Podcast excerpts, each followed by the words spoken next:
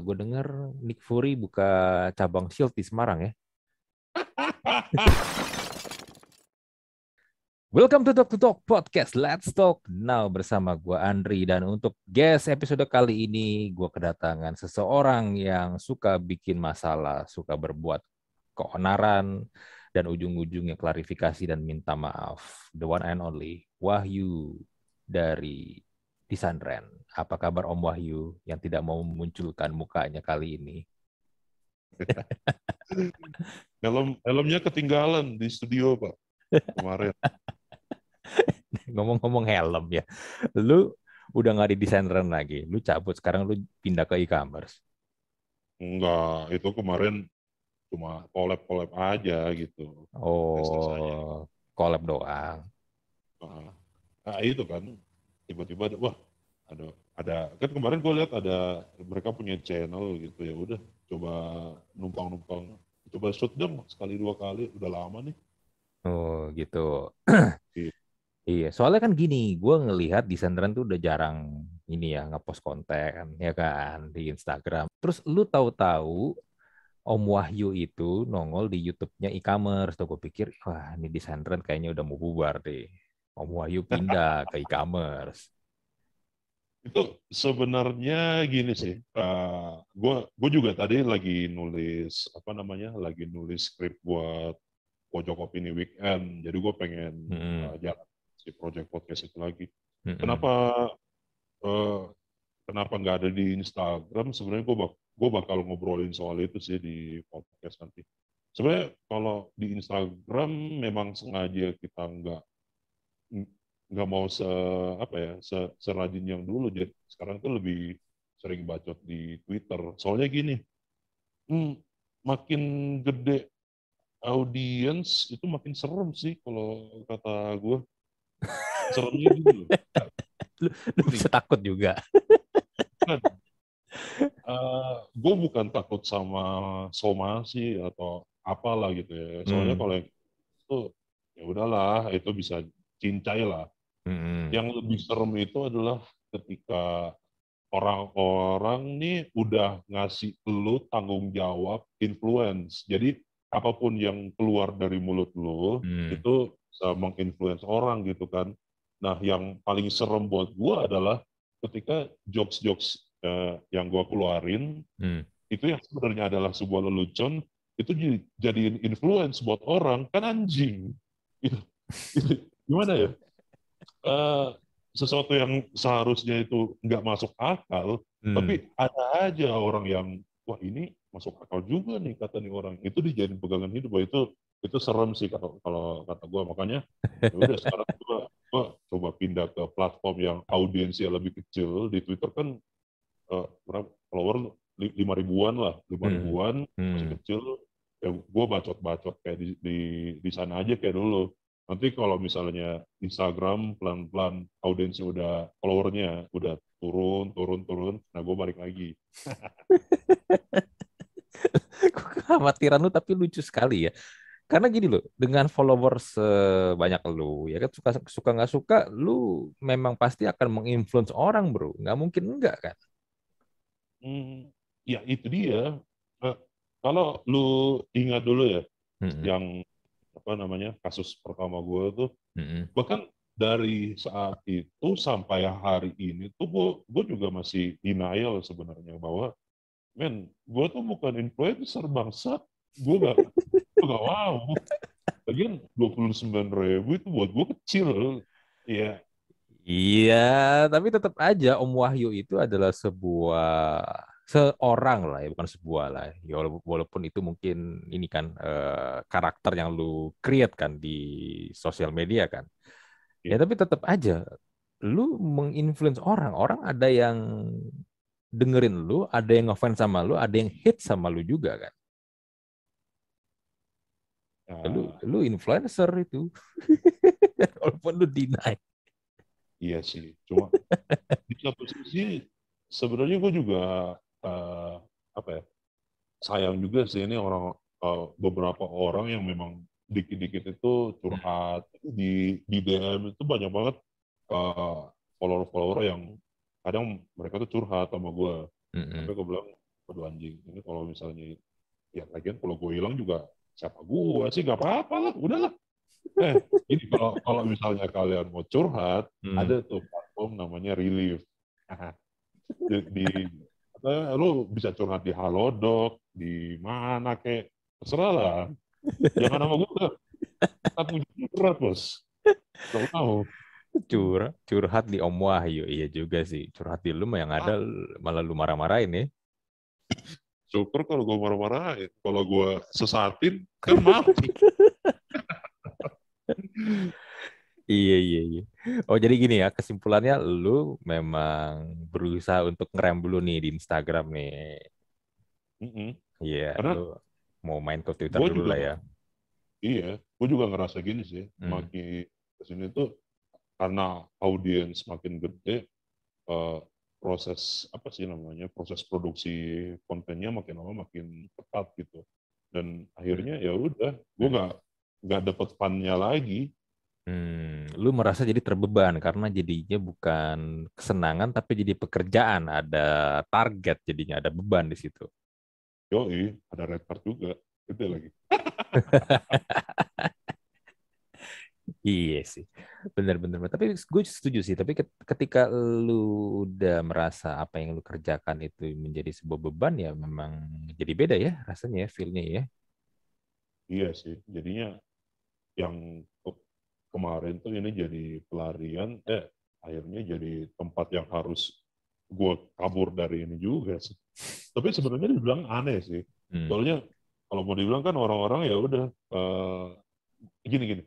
Gue tuh gak percaya sama eh, influencer-influencer tuh yang bilang Hmm. enggak kok kita tuh nggak ngejar engagement, kita nggak ngejar eh, apa namanya likes kalian, eh, Hmm. tapi likes-nya turun langsung stres.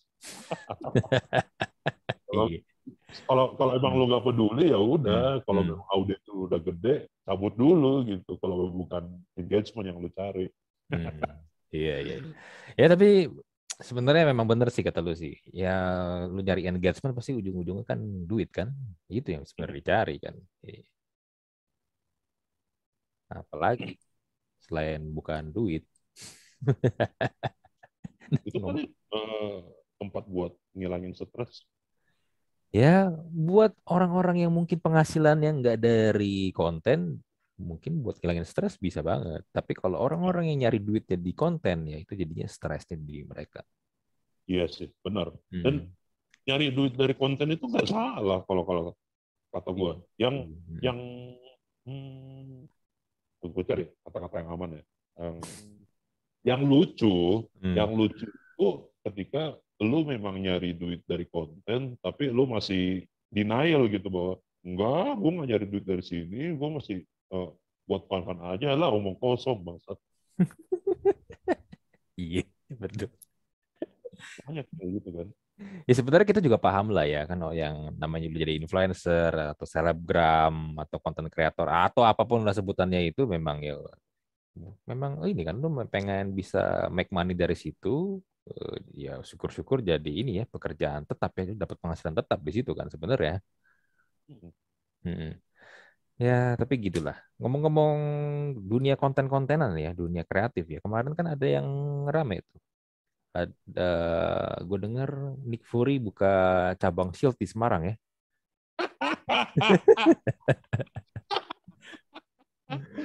Aduh, bangsat, bangsat. Ini, eh, itu nggak masalah selama nggak nggak nggak dipakai buat komersil, kata bosnya. Iya, tapi itu ya, pas gue liat videonya, gue pikir Shield. Oke lah, kalau lu pakai nama Shield, Shield itu kan sebenarnya kata yang umum lah ya, general kan. Shield itu kan artinya perisai, tameng kan. Lu bisa pakai kata Shield itu di mana-mana.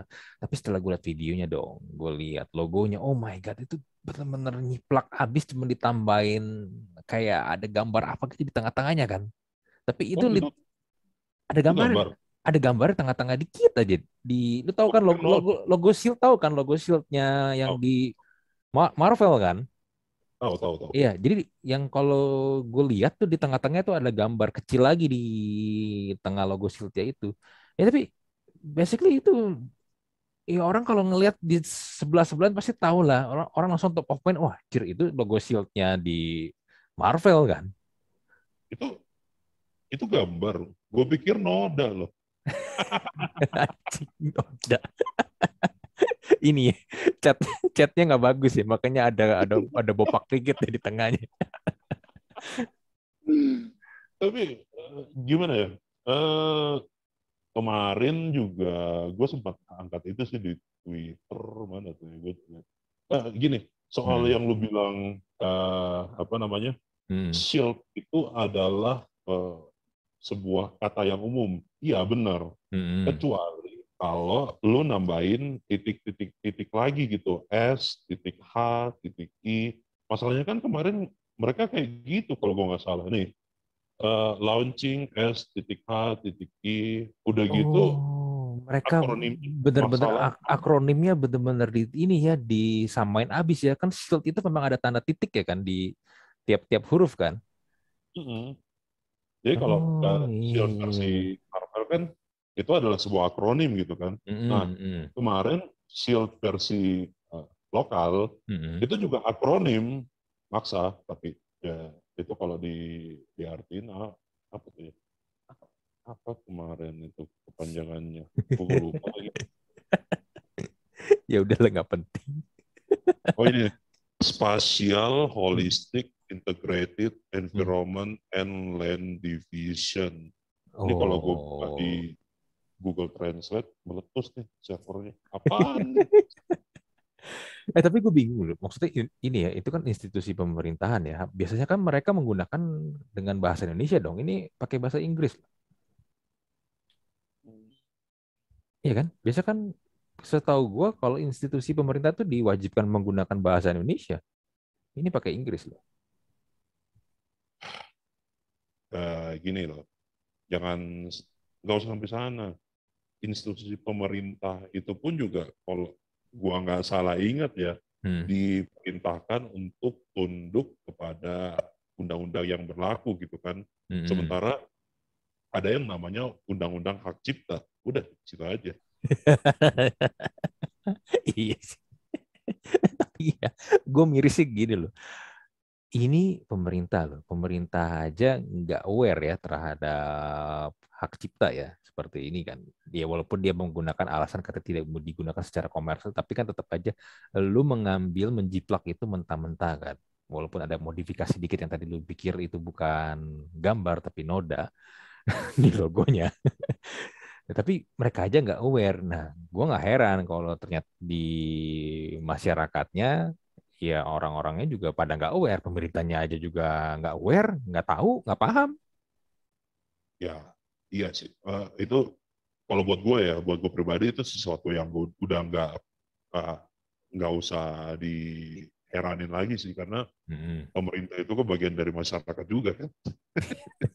iya juga sih. Tapi gini bang, gini bang. Hmm. Kemarin tuh ada yang lucu. Jadi hmm. uh, setelah gue ngomel-ngomel di Instagram, hmm. udah itu gue pindah ke Twitter gitu kan. Hmm. Gue pindah ke Twitter, terus kalau nggak salah gue nge nge-quote reply si Humas Pemkot Semarang itu. Tapi hmm.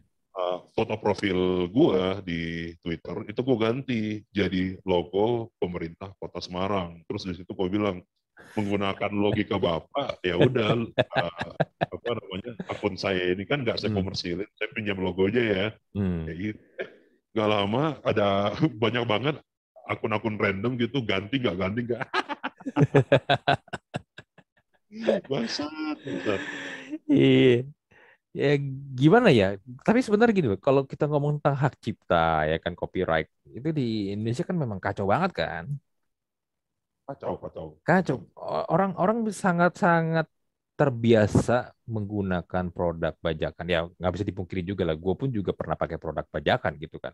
Zaman zamannya dulu main game di PlayStation kan nggak ada kan di Indonesia game original ya kan nggak punya akses itu kan akhirnya mengapa kita dap menggunakannya bajakan dan mesinnya pun memang dimodifikasi sedemikian rupa supaya mainnya yang bajakan kan. Nah, tapi tapi gini loh Cuman karena kita udah terbiasa seperti itu, akhirnya makin ke sini nih orang malah ketika bisa mendapatkan atau bisa membajak duluan, dapat barang bajakannya duluan, itu bangga banget. Kayak film lah, eh udah dapet nih bajakannya nih, udah bagus gambarnya, kualitas begini begini begini. Dia dengan bangga akan memamerkannya itu. Lu uh, lihat itu nggak sih kemarin berita yang Jeffrey Nicole berantem? Oh iya, Iya, iya, iya, iya, berantem. Iya, karena itu kan gara-gara dibajak juga kan film. Iya, cuma yang yang berantem sama dia itu bukan orang yang ngebajak itu. Jadi awalnya ini hmm. nih ada satu bocah, hmm. itu dia benar-benar naro apa namanya link uh, grup Telegram yang mana hmm. grup Telegram itu uh, masang film-film bajakan lah gitu buat oh, nobar. Telegram mah awalnya dari situ. Oke. Okay. Uh, terus? Dan uh, sorry gini, di dunia desain pun juga sebenarnya itu udah aduh udah hal-hal yang sangat menjadi perdebatan banget gitu karena gini mm-hmm. buat desainer-desainer yang masih pemula buat mereka itu tuh uh, nggak masalah kalau pakai misalnya produk-produk Adobe yang bajakan mm. uh, atas nama ya udah gue masih belum punya duit gitu buat uh, apa namanya beli layanan lo padahal mm. kan sebenarnya uh, service sejenis itu yang premium, yang benar-benar gratis ada sebenarnya. Cuma males nyari aja. Hmm, Canva kan gratis bro. Bener kalau mau desain pakai Canva kan. Kalau lu nggak punya iya. Uh, desain Ren juga kontennya semua dari Canva kok, makanya jelek. gue juga pakai Canva gue kalau buat bikin desain cover sama ini thumbnail. Soalnya gue, iya. gue gini, kalau gue, gue nggak bisa ngedesain ya kan? Gue gak, gue gak punya ilmu desain. Dan gue ngelihat ada tools yang gampang bisa gue pakai ya udah gue gunakan aja. Udah gitu free lagi. Ya kecuali kalau lu mau bayar ya kan lu bisa dapat fitur-fitur lebihnya ya. Tapi ya udah it's okay gitu loh. Jadi kan gue juga aman. Gue nggak pakai ya tadi lu bilang kan. Ada Photoshop bajakan segala macam kan. Iya. Gimana ya? Uh, gue nggak tahu apa apa sih motivasi. Kalau misalnya gitu deh uh, eh, gue coba refleksi ke diri gue yang dulu ya bahwa hmm. gue pun dulu seperti itu jadi waktu zaman gue dulu tuh uh, eh, gue masih pakai Corel Draw hmm.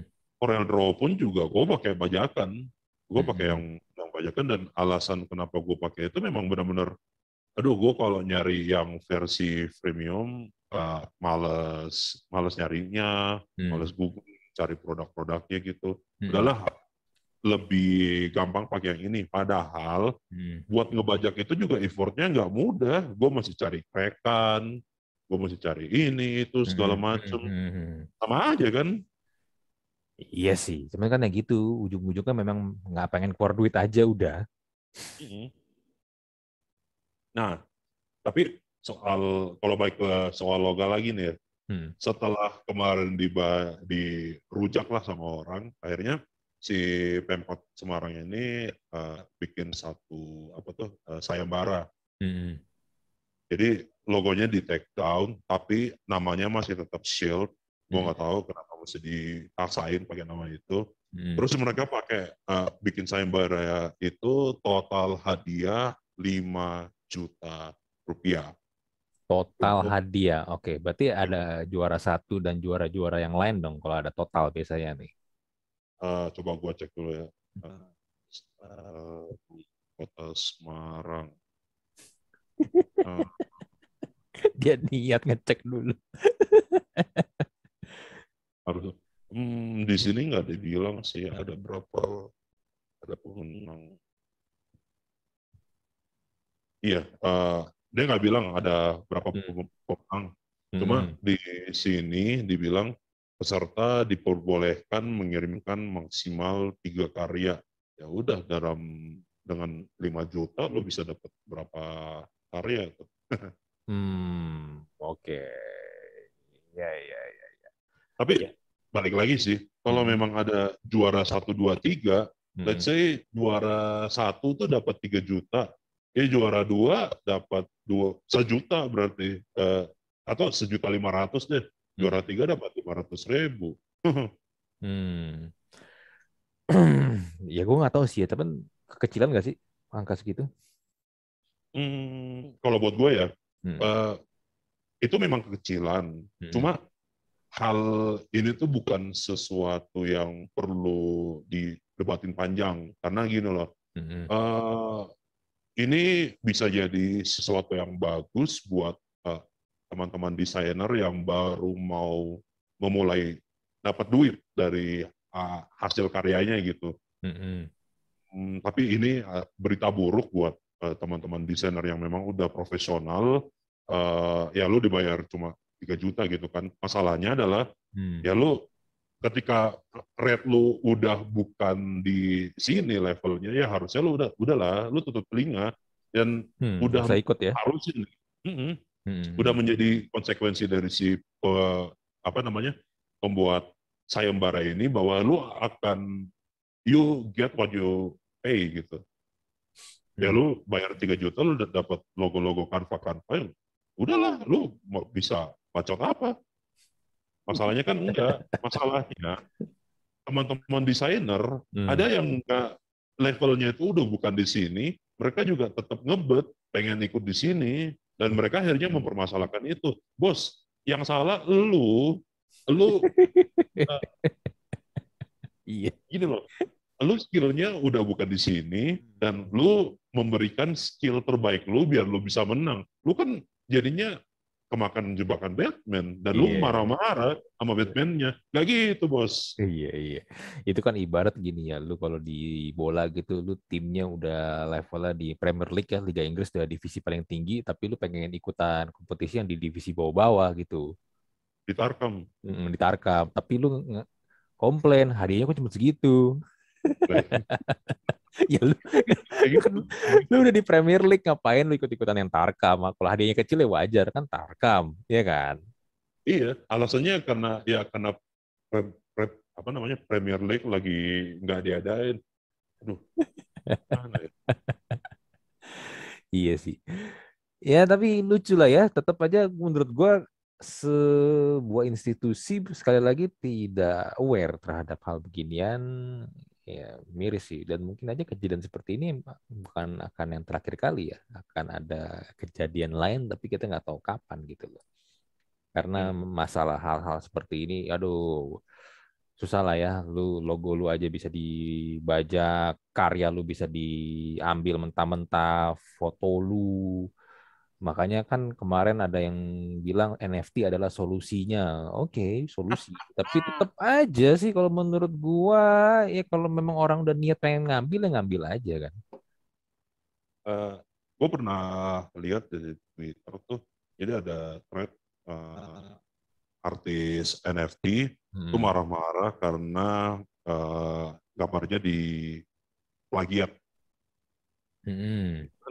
Kontradiktif sebenarnya. Gue nggak gue nggak ngerti-ngerti banget soal NFT. Gue malah sangat-sangat nggak ngerti soal NFT. Cuma kampanyenya selama ini tuh yang masuk ke orang-orang awam adalah NFT adalah solusi dari eh, plagiasi kan.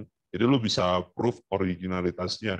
Kalau memang seperti itu, ya ngapain si artis ini ngomel-ngomel gitu. Artinya kan ya udah NFT nggak nggak se, se- bekerja nggak bekerja seperti itu juga over glorified jadinya. Hmm. Iya.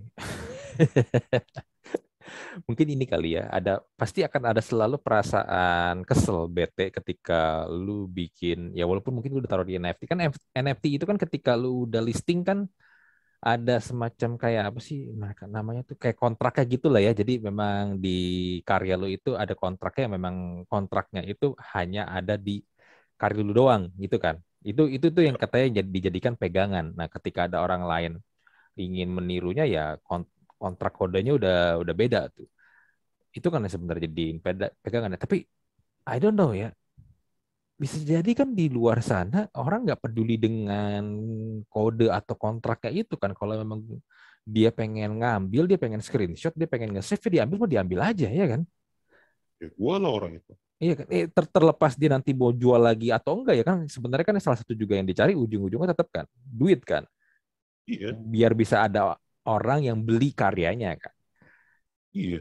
Mm-mm. Eh, pertanyaan gue gini loh. eh smart contract ya. Jadi Iya, misalnya iya smart contract, lu- smart contract betul. ah, lu bikin satu gambar gitu, lu bikin gambar babi misalnya, Hmm. Eh, ada sayapnya, terus Hmm. ekornya naga gitu kan, lu udah pasang listing, set, Ma- apa itu? Mistik banget. Ya. Udah babi, ada sayap. Oke, terus itu bisa tanya nomor togel. Iya. ekornya naga Terus- lagi.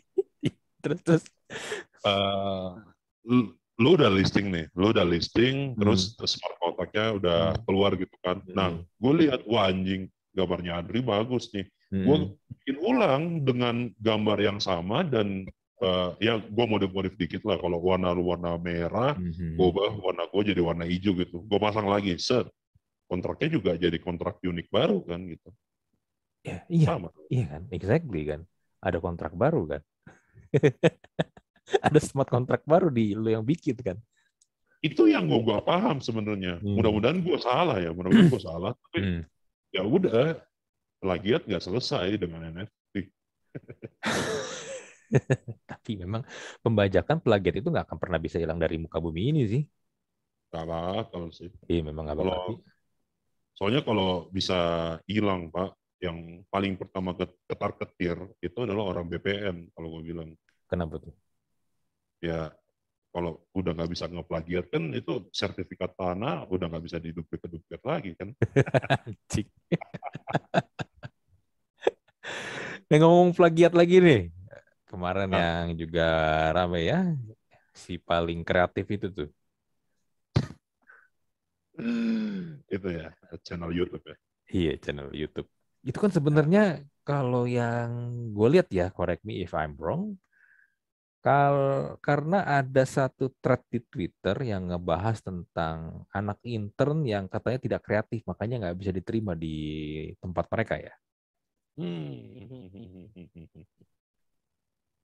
Oke oke.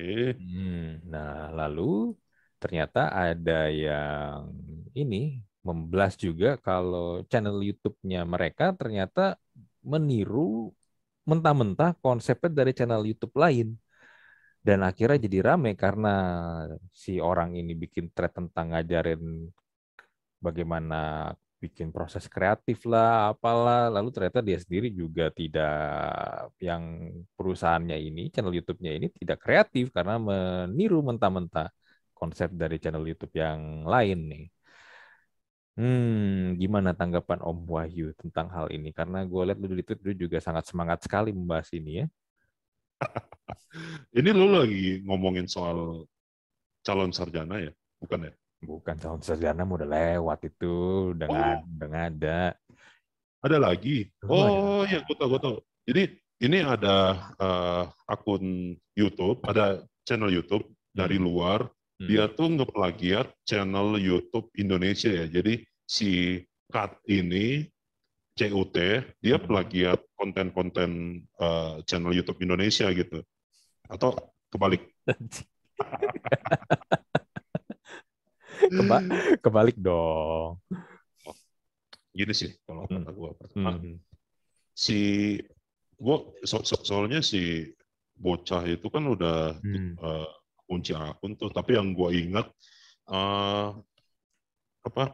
Dia eh, bilang dari ratusan orang yang apply di tempat situ, Hmm. eh, apa namanya? Cuma satu orang aja yang diterima Hmm. dan akhirnya dia merasa spesial gitu. Sebenarnya enggak sih. Lu enggak spesial-spesial itu aja karena memang kursinya cuma satu, kebetulan yang peminatnya itu banyak gitu. Dan eh, apa ya? Ya memang cara kerjanya begitu kan. Posisinya Emang satu. wajar. Yang yang ngeplay yang ngeplay lebih banyak pasti kan. Lu nggak spesial anjing. Hmm. Dan kocaknya lagi adalah dia lolos sebagai intern dan eh, langsung bikin thread gitu, langsung ngajar-ngajarin orang. Maksud gua Oh gini, berarti itu yang bikin thread itu adalah orang yang lulus internnya itu, bukan dari Iya. orang yang perusahaannya, bukan. setahu gue ya, eh, Hmm. ini mungkin bisa salah, tapi Hmm. setahu gue anak itu yang eh, lolos intern, terus ya udah dia ngasih tutorial gimana caranya berpikir kreatif ala uh, cut eh, ya uh, cut Indonesia. Tapi iya, hmm, iya, iya, iya. Tapi kan ya ternyata company-nya gitu kan, YouTube-nya begitu. Satu, uh, pertama si anak itu mungkin bisa ya oke okay, gue akuin kreatif lah dari uh, video TikToknya gitu kan. Hmm. Cuma uh, kemampuan berpikir kritis itu kurang mungkin. Masa dia nggak tahu sih kalau channel YouTube ini tuh plagiat dengan menyematkan kata kreatif itu hmm. udah hmm. udah salah, salah salah banget sih. Gak bisa itu Oh, bisa jadi memang kreatif sih kreatif untuk melihat ada yang bagus lalu dibikin versi lokalnya kan sering kayak gitu kan kalau gitu bukan kreatif sih cocoknya namanya jadi itu apa opportunity fox ini konsepnya kan ATM kan amati tiru monetize sebenarnya gini sih kalau menurut gue ya hmm. uh, gue setuju nggak ada yang baru uh, di dunia ini bahkan yeah. konten konten desain pun juga sebenarnya itu hasil niru sebenarnya uh, gue nggak tahu banyak yang tahu atau enggak ya. Jadi uh, ada akun Instagram namanya satisfied user.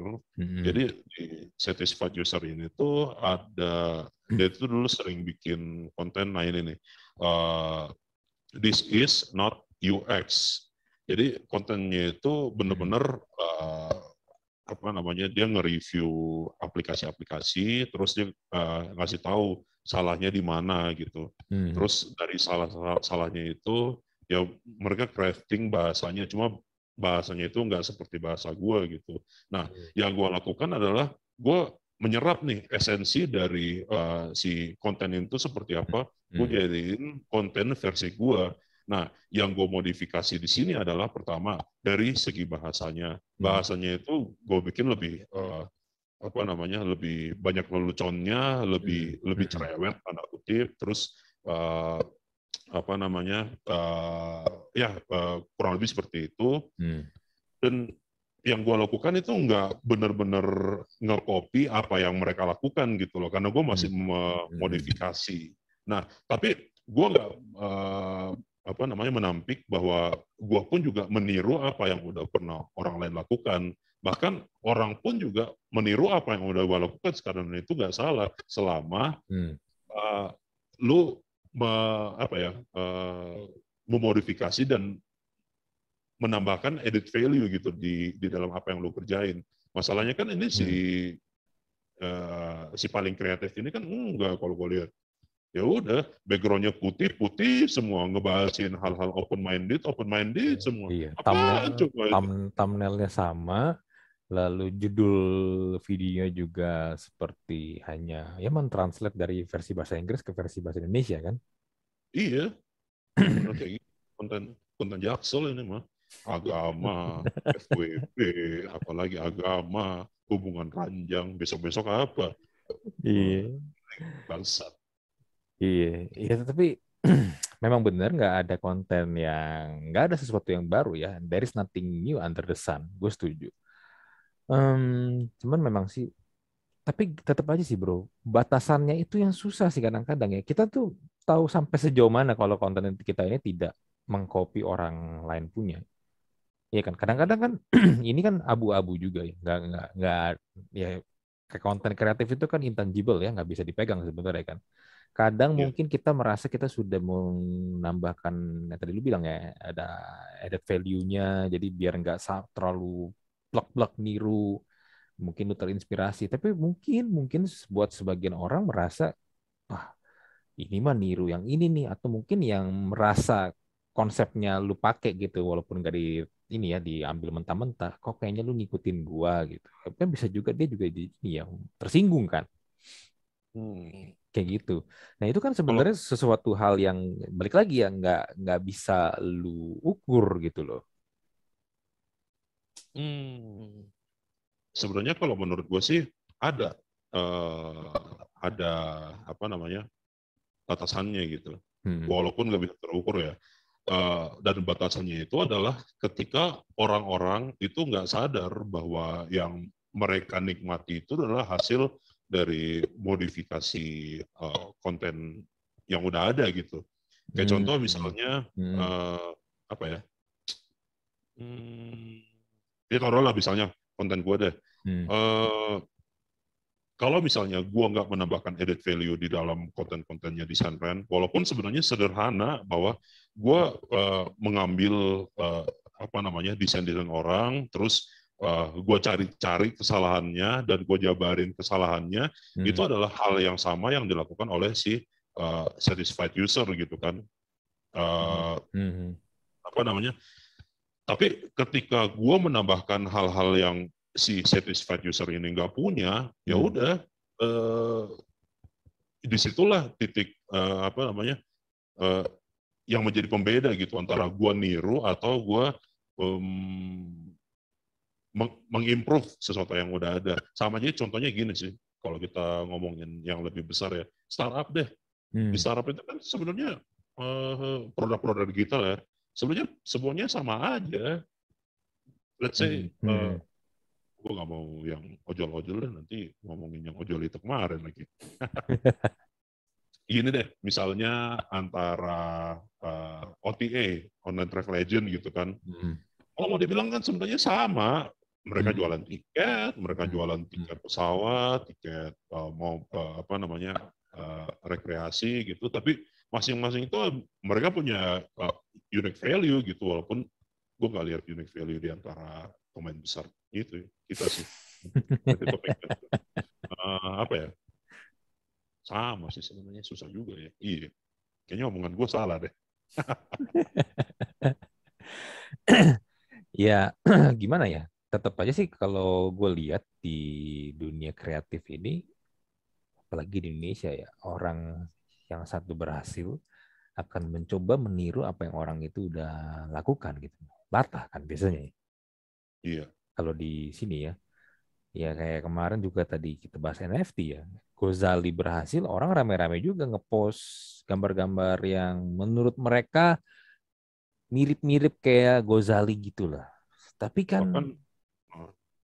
Gimana ya, Gozali itu nggak akan pernah terjadi lagi, ya kan? Nggak bakal terjadi lagi, karena nggak akan ada yang quote unquote ngepom-pom karya lu di NFT yang lu upload di NFT, yang lu listing di NFT seperti Gozali. Gozali itu naik karena ada yang membantu menaikkan namanya. Oh. Gue tahu Iya, ada yang membantu menaikkan namanya, karyanya. Terutama ya yang di NFT itu kan yang foto-foto selfie-nya dia. Nah, lu nggak akan bisa menjadi the next Gozali karena ya tidak ada yang mau menaikkan karya lu kalau lu hanya meniru apa yang udah Gozali lakukan, Gozali, Gozali that's it gitu. Nggak akan ada the next Gozali sebenarnya kan. Hmm. Gue sih kalau kalau ini ya ngobrolin soal ngomongin soal apa uh, industri kreatif ya. Hmm. Uh, orang tuh menikmati apa yang lu sajikan itu sebenarnya hmm, enggak sepenuhnya dari konten lu sih. Tapi lebih ke uh, elunya siapa gitu. Itu Betul. juga menurut exactly. gue itu menjadi salah satu faktor gitu. Kayak exactly. gini deh. Iya kan? Hmm. Uh, kayak misalnya, ayo deh, uh, YouTube deh misalnya. Hmm. Jadi di YouTube itu kalau tahu ada satu channel, Wikipix, yang salah hmm. satu konten itu kan dia nge-react uh, apa namanya video-video aneh gitu, video-video video cringe gitu di hmm. TikTok, hmm. Nah, uh, sebenarnya konten-konten kayak gitu tuh banyak. Ada TNM, ada uh, si itu, tapi mm-hmm. ya yang orang nikmati itu adalah reaksi si uh, siapa namanya si hostnya itu gitu loh. Hmm. Jadi nggak 100% si kontennya doang yang di apa namanya yang menjadi faktor penentu gitu. Betul. Sama aja kan kayak misalnya podcast gitu. Hmm. Jadi Corbusier sama uh, siapa namanya misalnya uh, uh, si Joe Rogan deh misalnya sama-sama hmm. kalian bertiga sama-sama botak gitu kan tapi pembawaan lo pembawaannya Dedi pembawaannya siapa si Joe Rogan kan beda hmm. nah itu yang menjadi yang menjadi pembedanya juga gitu hmm. nah.